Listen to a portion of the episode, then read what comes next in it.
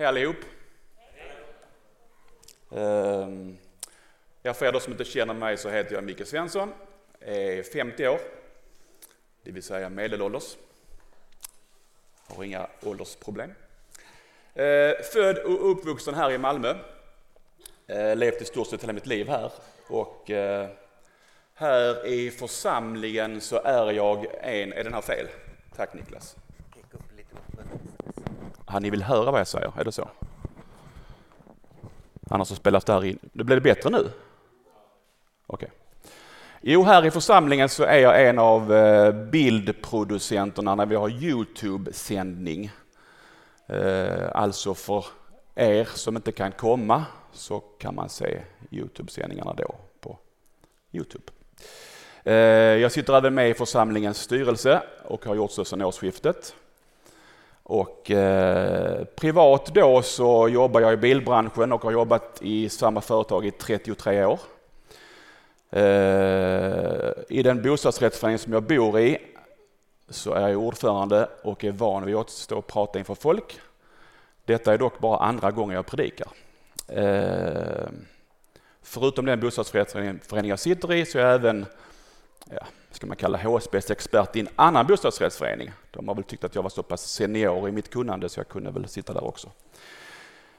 Eh, när jag började skriva min predikan så, eh, så när jag fick frågan först och främst av Kim då om att, att hålla en predikan så, så sa jag först inte ja. Eh, jag pratade med min fru Anna-Karin om det och sa att jag har ju inte någonting att säga mer än i tio minuter kanske. Eh, och sen började jag skriva min predikan eh, och eh, läste upp den för mig själv och hamnade på 50 minuter. Eh, och insåg då ganska fort att hej, här är ju två predikningar. Eh, så jag har fått skära rätt friskt eh, och jag kommer nog att behöva göra det nu också, inser jag. Eh, jag kommer landa i sju stycken bibelställen som eh, David kommer att hjälpa till att flasha upp här bakom efterhand som de dyker upp. Ehm, ja, och redan nu får jag skära känner jag. Eh, som person är jag ganska vanlig, enkel, levererar liksom ofta budskap på ett enkelt sätt. Jag tror det kommer ifrån att jag tidigare har varit presschef Eh, i en sport som heter speedway. Eh, och eh, all media i Malmö har bara ett fokusområde när det gäller sport och det är fotboll. Och när man har då en udda sport som man sysslar med så måste man förklara den sporten på ett, vad ska jag säga, lättbegripligt sätt. Och det gör att jag liksom har lärt mig att, att ta en, en svår information och leverera den på ett enkelt sätt så att fler kan förstå den. Jag hoppas att det här kommer komma fram på ett enkelt sätt det jag har att säga. Jag kommer alltså inte att fördjupa mig i Hesekiels profetior. Jag kommer inte heller att rabbla stamtavlor i Gamla testamentet. Jag ska inte heller förklara de fem bröden och två fiskarna i bergspredikan. Det var för övrigt det jag predikade om när jag predikade första gången eh, i Rostock. Men det kommer jag inte göra nu. Eh, det var så här när, när eh, när Kim skickade ut mail till oss åtta som, som sommarpredikar så skrev hon att man kan då fördjupa sig i en bibeltext och man kan vara personlig om man vill det. Jag kommer att vara personlig. Eh, jag kommer dela med mig av min livshistoria som är ganska brokig. Eh, jag kommer också att berätta de tipsen som jag tillämpar för att hålla mig från den historien och som hjälper mig i vardagen eh, i mitt sätt att umgås med Herren. Eh, och så en liten uppmaning till er då som, som är kristna om hur ni kan leva i er kallelse. Mycket av det här kommer att vara sånt som ni har hört hundratals gånger tidigare. Eh, en del aha-upplevelser kanske. Eh, men eh, var i bön ni som känner att det här är gammal skåpmat Eh, Eh, så att det hjälper de som är här som skulle tänkas behöva detta som Gud har lagt mitt hjärta. Eh, oavsett vilket så är min förhoppning att er relation med Herren har blivit bättre efter den här predikan. Det är min målsättning. Ja, som sagt var jag gift med Anna-Karin eh, och i det som vi kallar för vår familj eh, ingår hennes son och mina två döttrar. Eh, jag har gått här sedan den 2 maj 2019. Eh, det är inte så där jättelänge. Eh, sex veckor dessförinnan så var jag på mitt första AA-möte. Det är Anonyma Alkoholister. Men vi backar bandet. 1987 så konfirmerade jag mig i Stadionkyrkan Eh, som då tillhörde Missionsförbundet och som nu idag då tillhör Ekumenia. Där eh, mötte jag eh, kompisar då som tillhörde kristna familjer. Jag gjorde inte det. Jag hade en, en faster och en farmor som var hängivna pingstvänner, men min familj var inte kristen. Och eh, dessa personer, en del av de här knöt jag band med liksom och, och blev bra vänner med och de tog med mig till kyrkan och så här. Ehm, under min uppväxt så fick mina föräldrar ingen plats på dagis till mig så jag fick växa upp hos min farmor då som var pingstvän. Eh, vilket la en rätt så bra liksom, kristen grund i mitt liv. Och där fick jag liksom, hos farmor fick vi, vi bad tillsammans, det var liksom trygga räkningen vara och det lilla ljus jag har, Fader vår och Gud som haver. Det var liksom, det var dagligen som vi sjöng och bad tillsammans, jag och min farmor. Och det la liksom en, en rätt så bra grund för mig då. Eh, efter konfirmationen så flyttade en kusin till mig ner från Osby till Malmö. Han tillhörde, tillhörde pingst i Osby. Han är två år äldre än mig. Eh, och han tog med mig till pingstkyrkan. Eh, och det var där jag blev frälst, i, i pingstkyrkan i Malmö.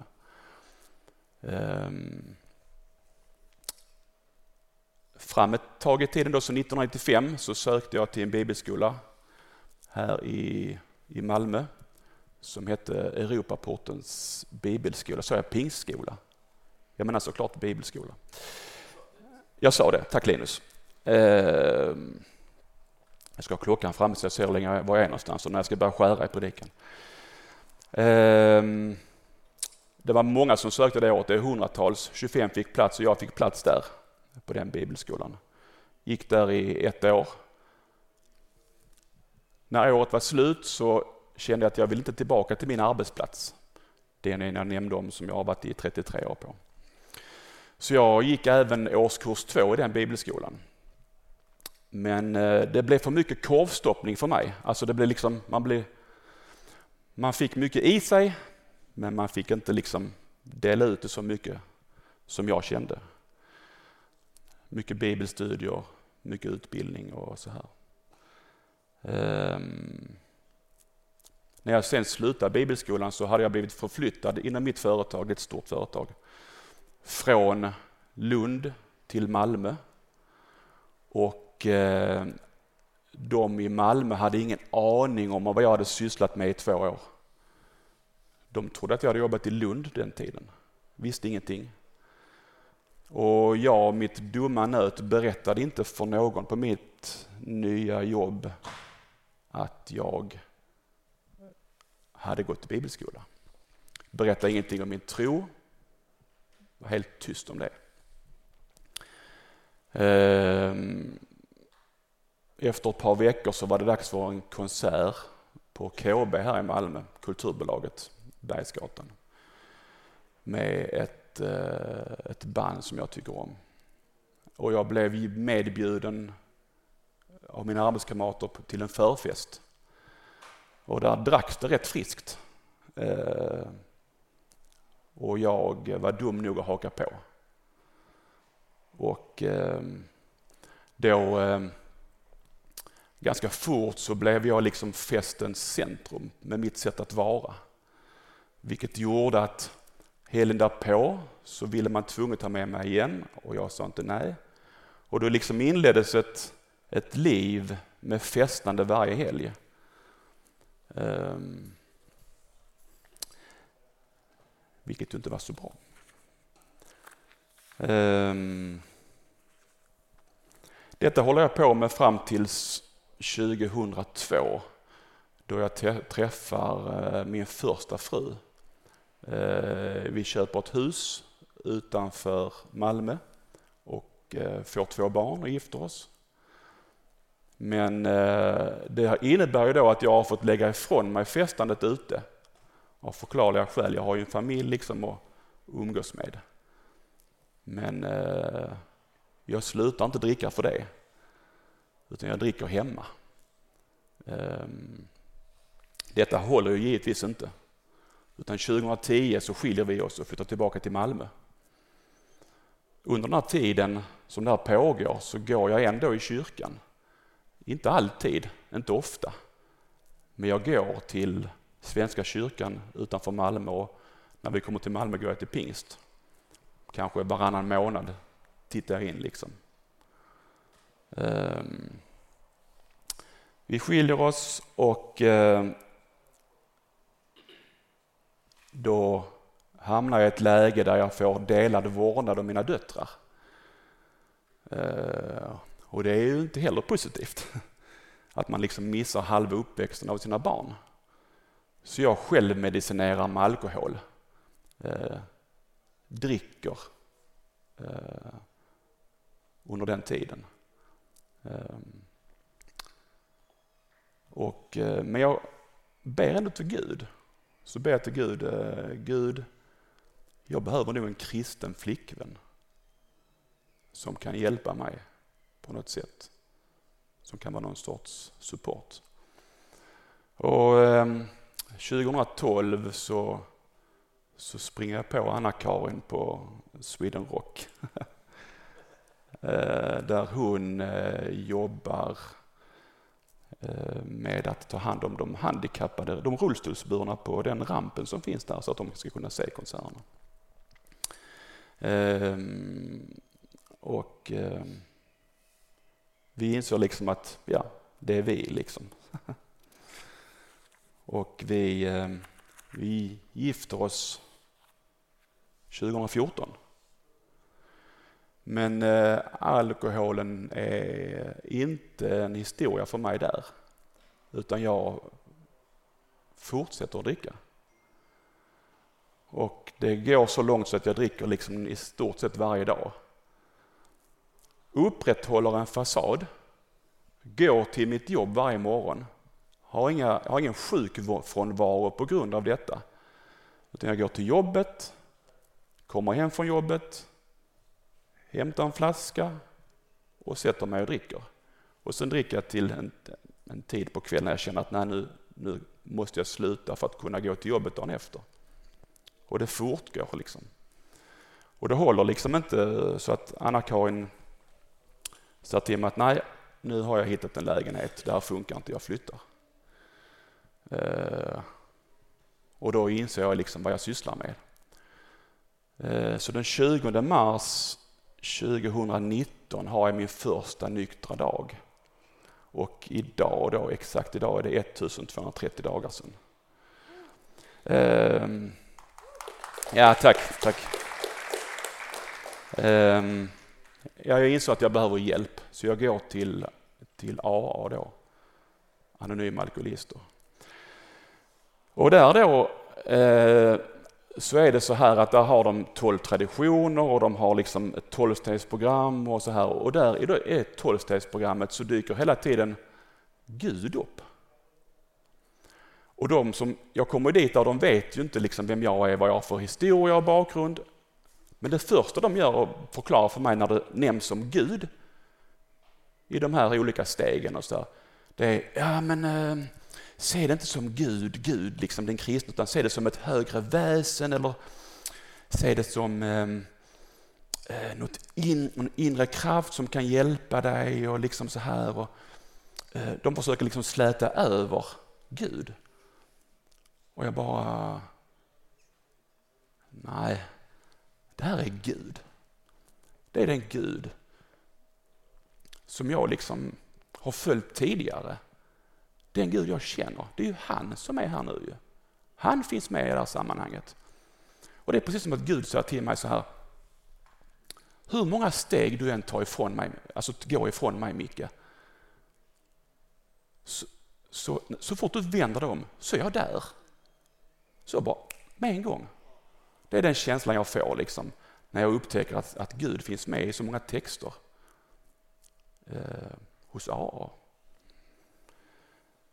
Um, fem veckor efter att jag börjat gå till AA så, så kontaktar en kompis mig. En kompis från konfirmationstiden som jag har känt sedan 87. Uh, ehm, och vi bor ganska nära varandra. Uh, och han säger att är det inte dags att vi börjar gå i kyrkan igen? För han har också haft en liten, liten tid utanför. Ja, där, där, där bad ju din mamma, min svärmor bad ju att jag skulle få träffa en kompis som var frälst. Eh, Gud hör bön. Så han ringer mig och vi pratar lite grann om vi ska börja gå till kyrkan igen. Så den 2 maj går vi på ett Lukas 15-möte här. Eh, det första vi går på. Eh, det blir också det enda, för sen börjar vi gå här. Och eftersom han tillhör Adfontes i Lund så går han numera dit. Ehm, Två kompisar till ifrån barndomen, ungdomen, hakar på och vi träffas numera varje vecka här i kyrkan. Eh, där vi helt enkelt liksom fläker ut våra liv för varandra. Alltså vi berättar minsta lilla sak. Jag kan inte säga att vi har någon hemlighet för varandra. Men vi, vi lägger ut liksom alla korten på bordet och är brutalt ärliga mot varandra. Ber för varandra och, och det har varit guld. Så har ni inte sådana vänner så skaffa sådana. De gör jättemycket för ens andliga utveckling. Ehm, det var lite om min bakgrund. Nu har jag eh, delat den. För några månader sedan så stod jag här på scen och berättade lite grann om min syn på bön. Eh, och jag, eh, jag brukar säga att jag ber post-it-böner. Med det menar jag att bönen får plats på en post-it-lapp. En här liten gul historia. Korta grejer bara.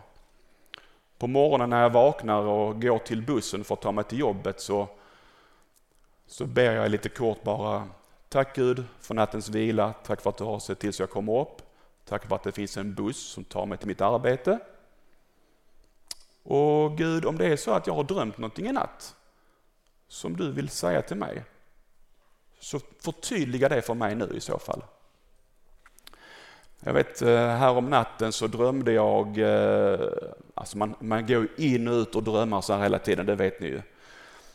Då drömde jag att eh, eh, Anna-Karin krävde att jag skulle raka mig. Jag får inte lov att raka mig för Anna-Karin. Så det visste jag, det var inte Gud. Men så bad jag också om, jag bad, jag bad, jag fick liksom, nej, bad, jag drömde om att jag såg en lastbil. Och min svåger kör lastbil. Och då tänkte jag så här, ja, ja men då ber jag för honom liksom och ber för hans arbetsdag och så här. Jag vet inte om han behövde den bönen liksom, men jag, i och med att jag drömde så, så jag gör liksom min tro ganska enkel. Ber jag om en lastbil, ja då ska jag be för min svåger, lastbilschauffören. Ehm, det är liksom min enkla post-it-bön. Ehm, ja.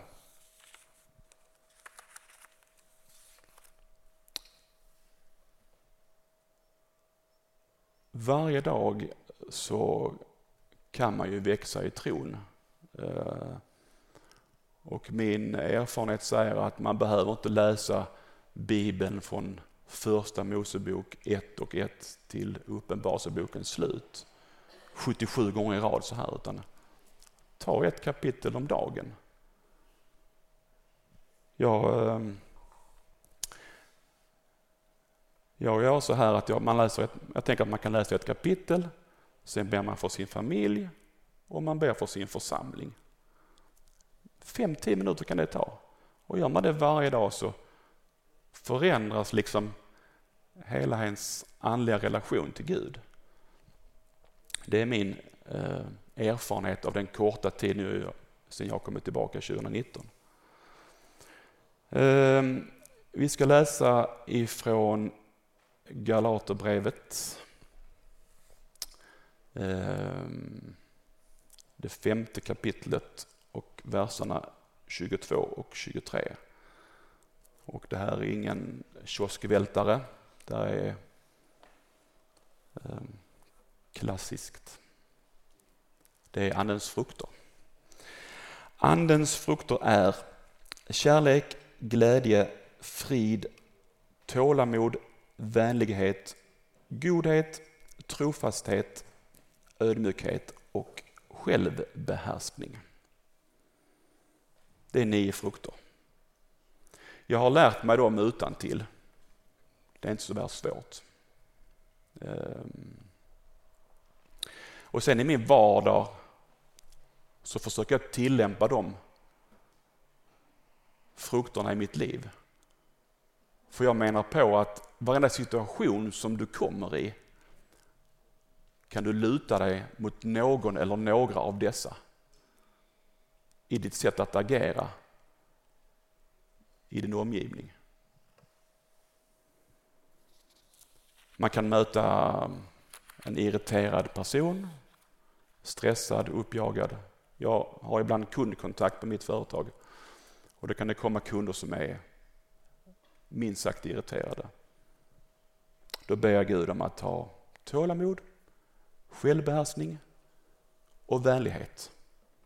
Hjälper jättebra. Man kan ha en stressad kollega som känner att jag hinner inte med vad jag ska göra idag. Då ber jag om vänlighet, om jag kan göra någonting för den personen för att underlätta. Små, små enkla liksom saker som jag försöker ta med mig hela tiden under dagen. Jag kan eh, gå och be för mina kollegor. Inte så att jag liksom tar med dem in i ett rum och sen så... Oh, utan liksom gå och ber tyst när jag passerar dem och så här. Det gör också någonting med ens hjärta. Jag menar, alla har väl någon kollega eller granne eller, eller ehm, ja, klasskamrat eller så här som, som är sådär jobbigt dryg. Ehm, jag vet Linnea var inne på det när hon inledde sommarpredikningarna. Börja med att be för den personen. Han den här jobbiga i trappuppgången som aldrig tömmer luddet ifrån tvättmaskinen i den gemensamma tvättstugan. Han som åker buss med dig på morgonen till jobbet som alltid tränger sig före. Börja be för dem. Det händer någonting med ens hjärta. Den människan kanske inte blir frälst. Men eh, ditt synsätt på den personen ändrar sig. Um, vi har precis kommit ut ur en lång period av pandemi och vi kan börja resa igen, flyga och sånt. Ehm, jag vet det, vi flög senast 2019 till Rom, vet jag. Och jag vet att när man har flugit förr, så när man har gått av flygplanet och ska hämta sitt bagage på bagagebandet, då ska alla fram längst fram liksom och stå och trängas för att få sin väska först.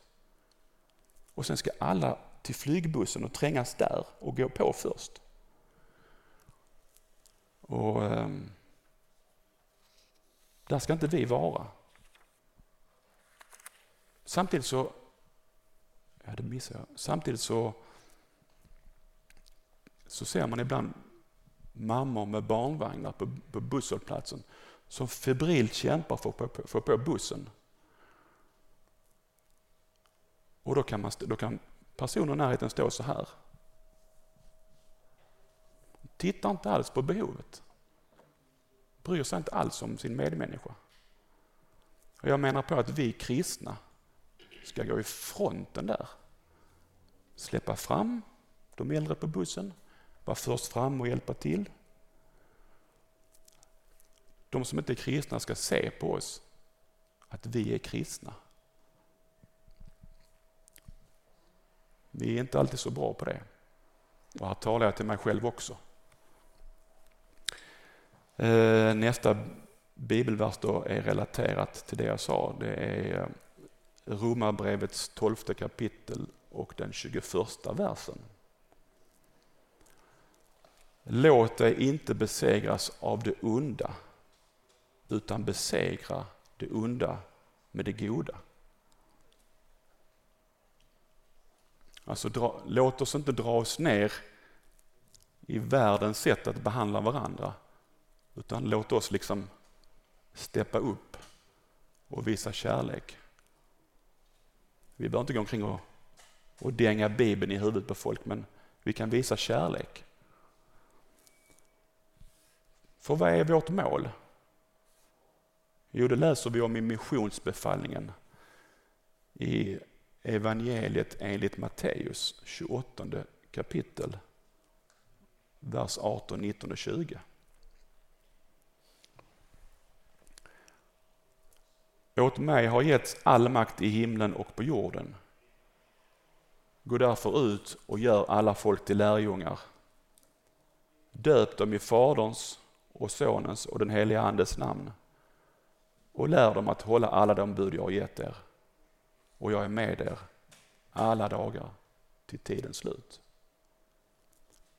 Vad betyder då detta? Jo, som jag sa i början så brukar jag förenkla saker och ting. Och detta här har jag förenklat så här. Vårt mål, det är att göra Jesus känd, trodd, älskad och efterföljd. Det är vad den, den, de två verserna säger till mig. Det är vårt mål. Och jag skulle liksom vilja uppmana dig då som inte har bekänt din tro i ditt sammanhang där du finns. I ditt bostadsområde, bland dina vänner, kollegor, i skolan, idrottsföreningen.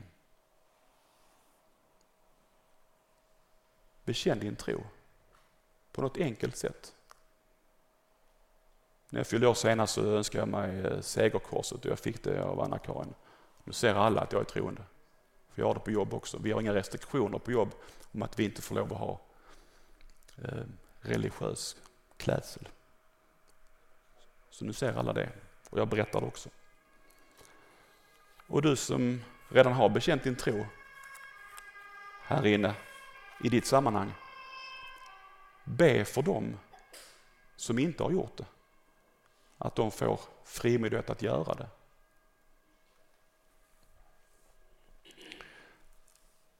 Vi ber eh, ofta om, eh, eller många gånger ber man om Gud sänd din väckelse. Skicka hit arbetare att göra jobbet. Och eh, det är inte fel att be om det. Men varför ska vi lämpa över det jobbet på någon annan? Varför ska någon annan komma hit här och evangelisera och, och berätta för dem i ditt grannskap att, att Jesus finns? Eller på ditt arbete eller i skolan. Varför ska någon annan göra det jobbet? Du finns ju där i det sammanhanget. Och du känner ju dina kollegor allra bäst. Dina vänner och de jag nämnde. Det är ju du som gör det. Vi brukar säga det i den här gruppen, vi som träffas, att vi är de vi väntar på. Det är ingen annan som ska komma och göra vårt jobb. Det är vi som ska göra vårt jobb i vår omgivning. Så se dig omkring i den omgivningen där du finns. Är du den enda kristna där du finns, då kan det ju faktiskt vara så att det är du som ska dela Jesus med dem. Det kan vara så.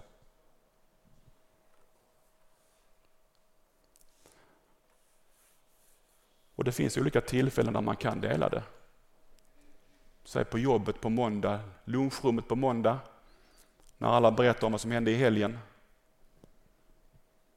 Då är det lätt att häva ur sig bara, ja men jag var i kyrkan.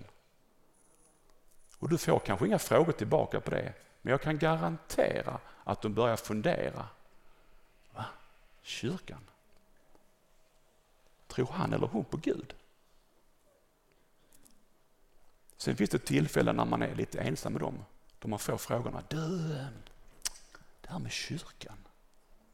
Hur ofta går du dit där? Då kommer frågorna. Jag, jag tänker så här, se dig själv som en pusselläggare i en annan människas liv. Du ska lägga den människans pussel. Antingen är du med i början och lägger de första pusselbitarna. Eller så är du med någonstans i mitten eller på slutet och får leda personen till frälsning. För livspusslet för mig är ju att bli frälst.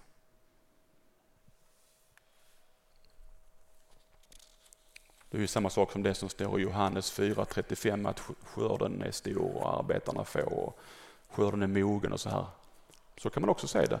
Antingen så planterar du fröet eller så vattnar du fröet eller så skördar du fröet.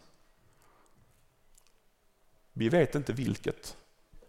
Men se din process i din interaktion med andra människor som att du är en del i den personens väg till att bli kristen. Våga fråga Jesus vad du kan göra.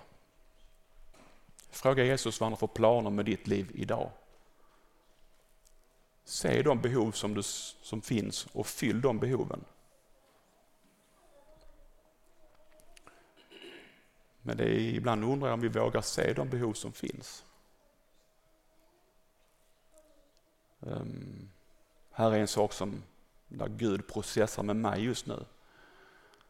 Med tanke på mitt tidigare missbruk så Eh, har mitt hjärta blivit större för det, för de som befinner sig där i samhället idag. De som är lite utanför och har problem.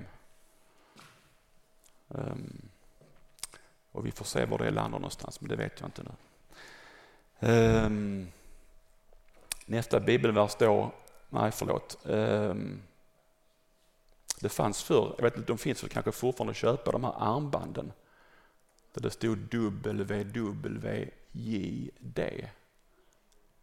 Förkortning engelska What would Jesus do? Vad skulle Jesus ha gjort? Ehm, I evangeliet enligt Matteus 9 kapitel, vers 35 och 36. Tack David. Ehm, så står det, Jesus vandrade omkring i alla städerna och byarna och han undervisade i synagogorna, förkunnade budskapet om riket och botade alla slags sjukdomar och krämpor. När han såg människorna fylldes han av medlidande med dem, för de var illa medfarna och hjälplösa som får utan herde. Har vi medlidande med våra medmänniskor? Bryr vi oss om de svaga? Be Gud om vägledning i ditt liv. Jag brukar be Gud, ske din vilja i mitt liv. Är jag inte i din vilja så dra in mig i den. Var som helst, på bussen, på jobbet, där hemma. Var jag än befinner mig så ska jag vara där.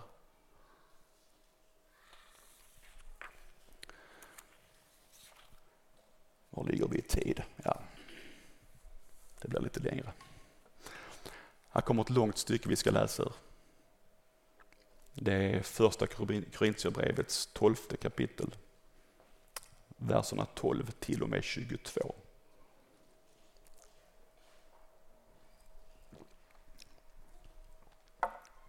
Ty liksom kroppen är en och har många delar och alla delar, många kroppsdelar bildar en enda kropp, så är det också med Kristus.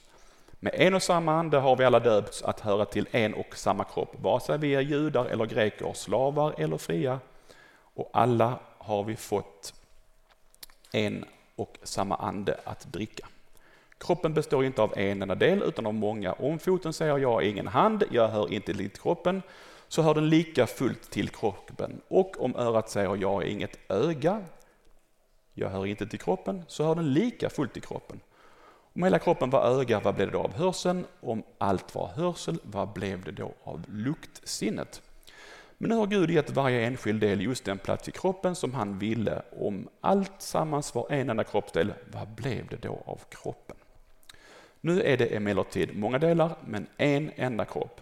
Ögat kan inte säga till handen, jag behöver dig inte, och inte heller huvudet till fötterna.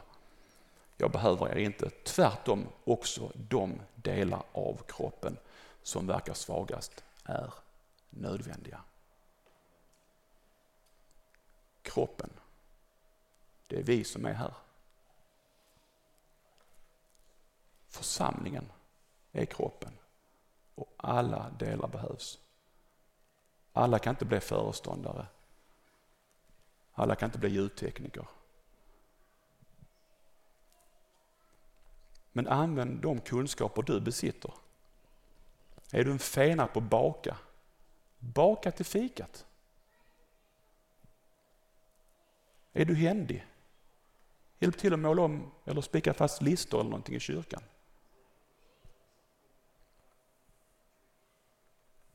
Har du koll på ekonomi? Hjälp oss i styrelsen att fatta kloka beslut kring ekonomin i församlingen. Och är du intresserad av teknik så anmäl er till Benjamin för vi behöver förstärkning i teknikteamet inför höstens inspelningar och sändningar. Vi behöver fot, öra, hand, allting.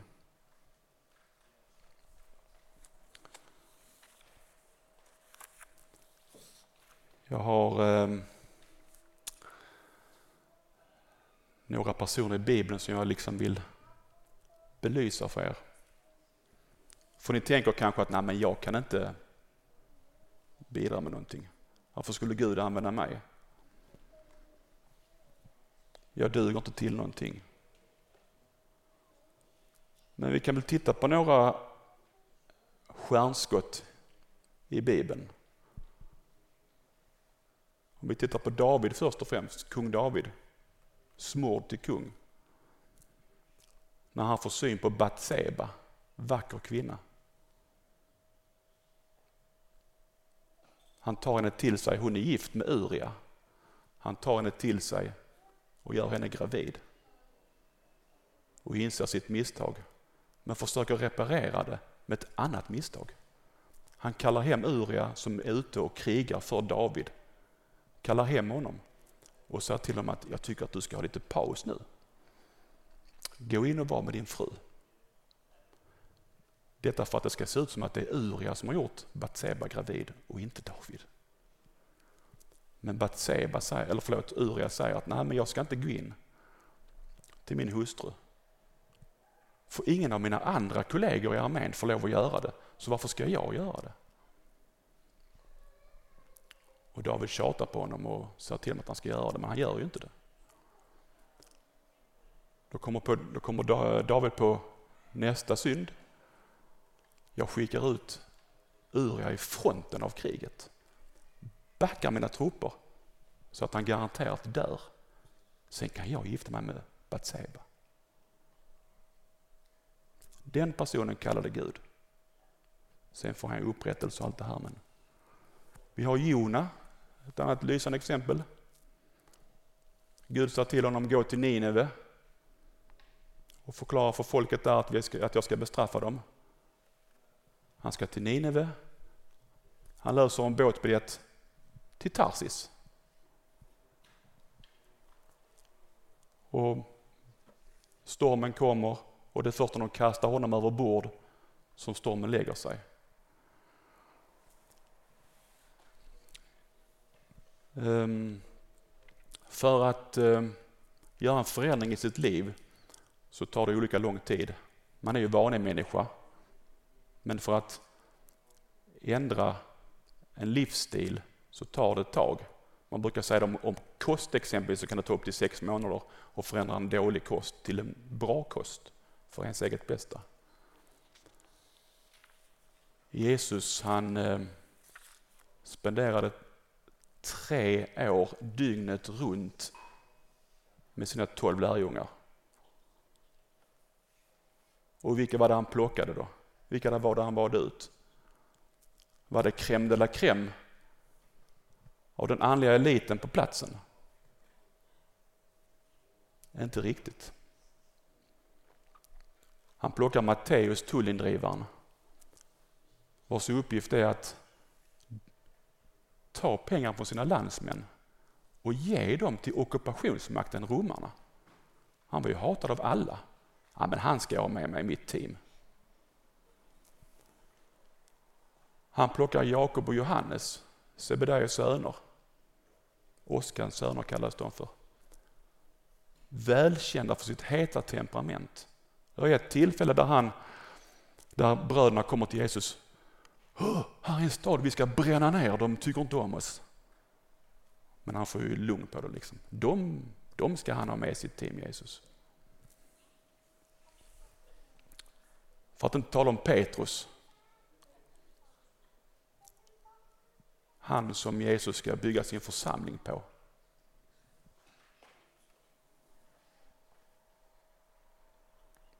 Han förnekar sin herre och mästare tre gånger. Och, då, och det, är alltså, det är alltså i slutet av den här treårsperioden så förnekar han honom tre gånger. Men det fina där är att Jesus upprättat honom.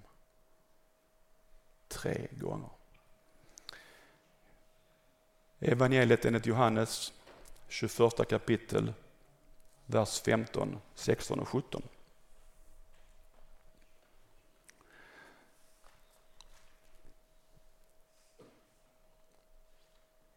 När de hade ätit sade Jesus till Simon Petrus, Simon, Johannes son, älskar du mig mer än de andra gör?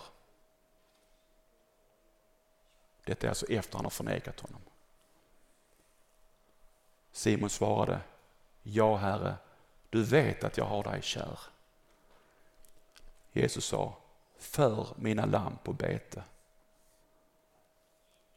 Och han frågade honom för andra gången, Simon, Johannes son, älskar du mig? Simon svarade, ja herre, du vet att jag har dig kär.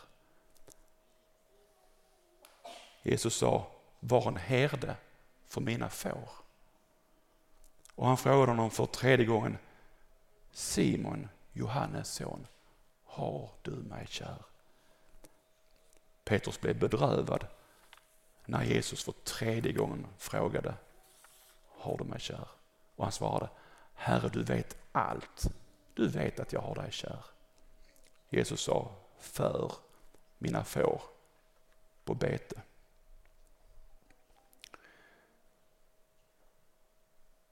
Kan Jesus förvandla lärjungarna så kan han även förvandla dig och mig. I sången eh, Fäst dina ögon på Jesus, den eh, Så finns textraden. Se upp till hans kors och du ser hans triumf i den död som blev livet för dig. Tänk att när Jesus hänger på korset så, och säger att, han är, att det är fullbordat. Han tar sin, sitt sista andetag då får det bli ditt första andetag i ditt liv med Jesus. Min sista bibelvers får bli från eh, Gamla Testamentet, Jesaja, sjätte kapitlet och den åttonde versen. Och jag hörde Herrens röst. Han sa, vem skall jag sända? Vem vill vara vår budbärare? Jag svarade, ja, sänd mig. Jag hoppas att det får bli din bön till Gud. Här är jag. Sänd mig. Tack Jesus för att du har eh, visat dig för oss alla och för de du inte har visat dig så ber jag dig att du ska göra det på ett eller annat sätt. Här är vi eh, ett antal som känner att, ja, Herre, här är jag, sänd mig. Och jag ber dig komma oss till mötes och hjälp oss att leva ett liv nära dig hela tiden. I ditt namn. Amen.